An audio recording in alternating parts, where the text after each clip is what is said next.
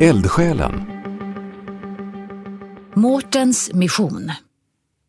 Han vill vara med där det händer och drar sig inte för att sticka ut hakan. Men allra mest klappar Mårten Rosenqvists hjärta för patienterna. Innan han går i pension vill han se till att flimmerpatienter får den vård de behöver. Från taket i Mårten Rosenqvists arbetsrum på Danderyds sjukhus hänger ett modellfartyg. Hyllorna är fyllda med böcker och gamla flaskor från apotek. Väggarna pryds av diverse konst.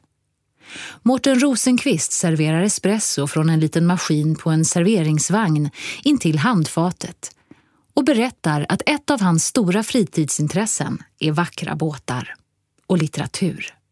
Särskilt August Strindberg.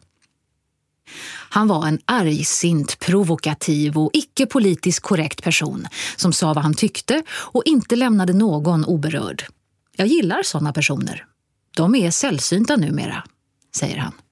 Är du sådan själv också? Ja, jag kan vara det ibland. Ute efter att provocera.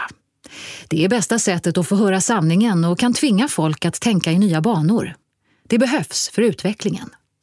Samtidigt är det jättejobbigt att vara den som sticker ut och ibland orkar jag inte. Särskilt inte med stigande ålder. Ofta leder det dessutom ingen vart. Men jag tror att det kan vara bra att visa att man kan vara annorlunda. Mårten Rosenqvist har hunnit bli 65 år.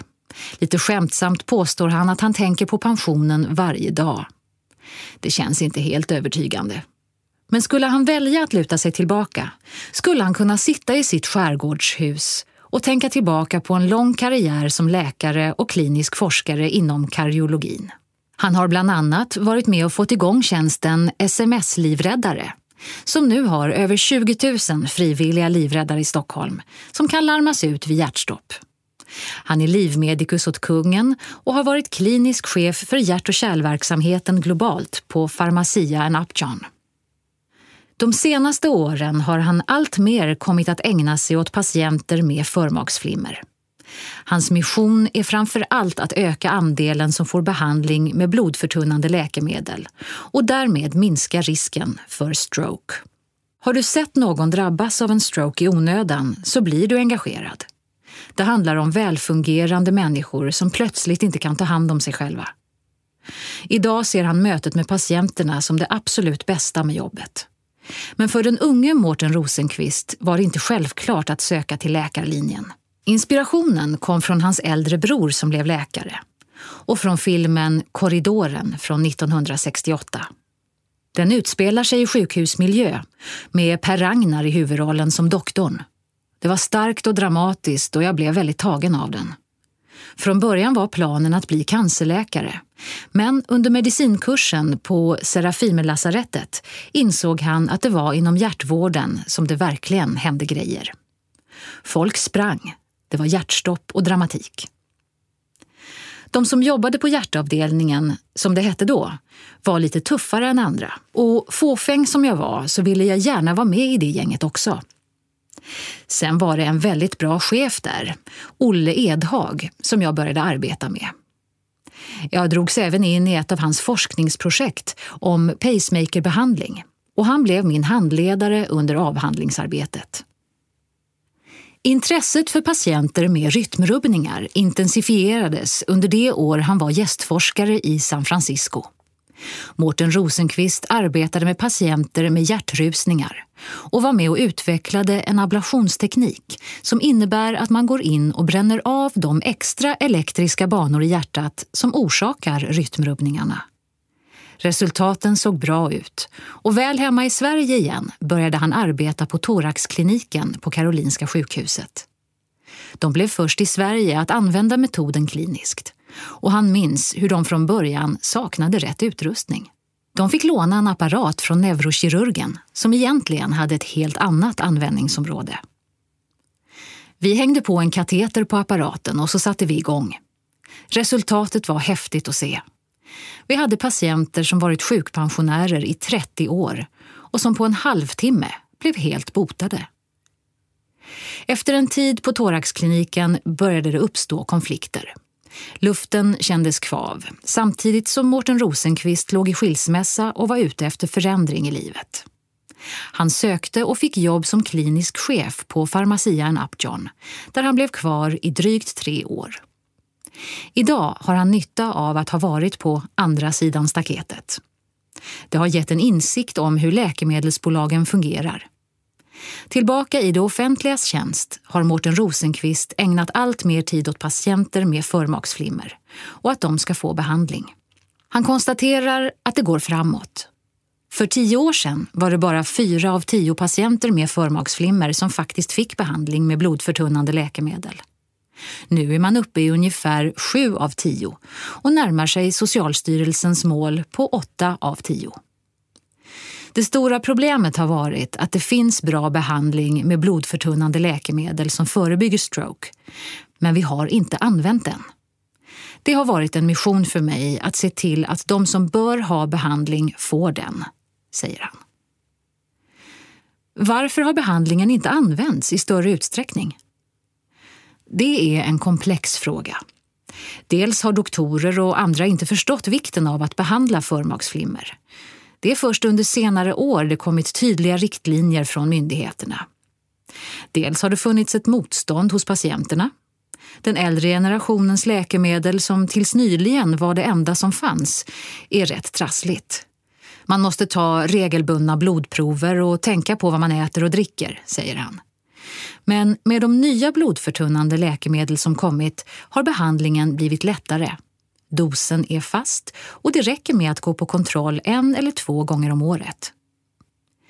Det vi sysslar med nu är att försöka leta upp patienter som har förmaksflimmer. För det är inte alla som har symptom och har fått en diagnos. För att hitta fler patienter tror Mårten Rosenqvist att screening är den bästa lösningen liknande vad som redan finns för exempelvis bröstcancer.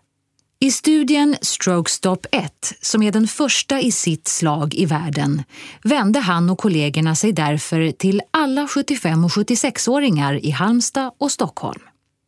De delades in i två grupper, varav den ena utgjorde kontrollgrupp och den andra bjöds in till en undersökning för att se om de hade förmaksflimmer eller inte. Det visade sig att ungefär 3 procent hade det och av dem startade mellan 60 och 70 procent behandling. Med tanke på att personer över 75 år med förmaksflimmer löper 20-25 procents risk att få en stroke under en femårsperiod tyckte vi att det var en rätt bra grej. Enligt våra beräkningar kostar det en miljon kronor att undersöka 1000 patienter vilket skulle förebygga åtta strokefall som skulle kosta samhället 5,6 miljoner. I sin nuvarande studie, Stroke Stop 2, har Mårten Rosenqvist valt att jobba vidare med samma spår. Den här gången tas ett blodprov på varje kallad patient och man bestämmer halten av hjärthormonet BNP. Det har nämligen visat sig att patienter med tyst flimmer som inte känner till sin sjukdom har förhöjda nivåer av just det hormonet. På det här viset kan vi göra screeningen mer kostnadseffektiv eftersom vi ser vilka patienter som med större sannolikhet har flimmer. Då kan vi fortsätta utreda en mer begränsad grupp och skicka hem resten, säger han. Mårten Rosenqvist tror att andelen personer med obehandlat förmaksflimmer kommer att fortsätta minska, särskilt om man väljer att satsa på screening. Förskrivningen av blodförtunnande har redan ökat rejält och det är rimligt att anta att antalet strokefall också kommer att gå ner. Men det sambandet återstår för forskningen att visa. En stor utmaning tror han ligger i att få alla landsting att följa Socialstyrelsens riktlinjer och erbjuda de nya blodförtunnande medicinerna som ett likvärdigt alternativ till de äldre. Mårten Rosenqvist konstaterar att de nya läkemedlen snabbt vinner mark i Sverige. Men att det är stora regionala skillnader. Vissa landsting är väldigt sega, trots att det finns tydliga riktlinjer från Socialstyrelsen. Det är rätt ointressant vilket preparat som används, bara patienterna behandlas. Och ju fler alternativ vi kan erbjuda, desto lättare är det att få fler i behandling, säger han. En annan utmaning handlar om en kollision med juridiken. Enligt det nationella patientregistret finns det ungefär 100 000 obehandlade patienter med flimmer i Sverige idag. Det är uppgifter som finns. Men av integritetsskäl får patienterna inte spåras upp. Enligt Mårten Rosenqvist leder det till mellan 3 och 4 000 onödiga strokefall varje år. Och vart och ett av dem kostar 750 000 kronor. På den här punkten hyser han inget större hopp om förändring. Det skulle i sådana fall krävas en lagändring. Det egna bidraget menar han främst kommer att bli de stora och omfattande stroke stop-studierna. Jag hoppas att de ska kunna ge ett definitivt svar på om det skulle löna sig att införa screening för förmaksflimmer eller inte. Får vi svar på den frågan har vi gjort vårt dagsverke.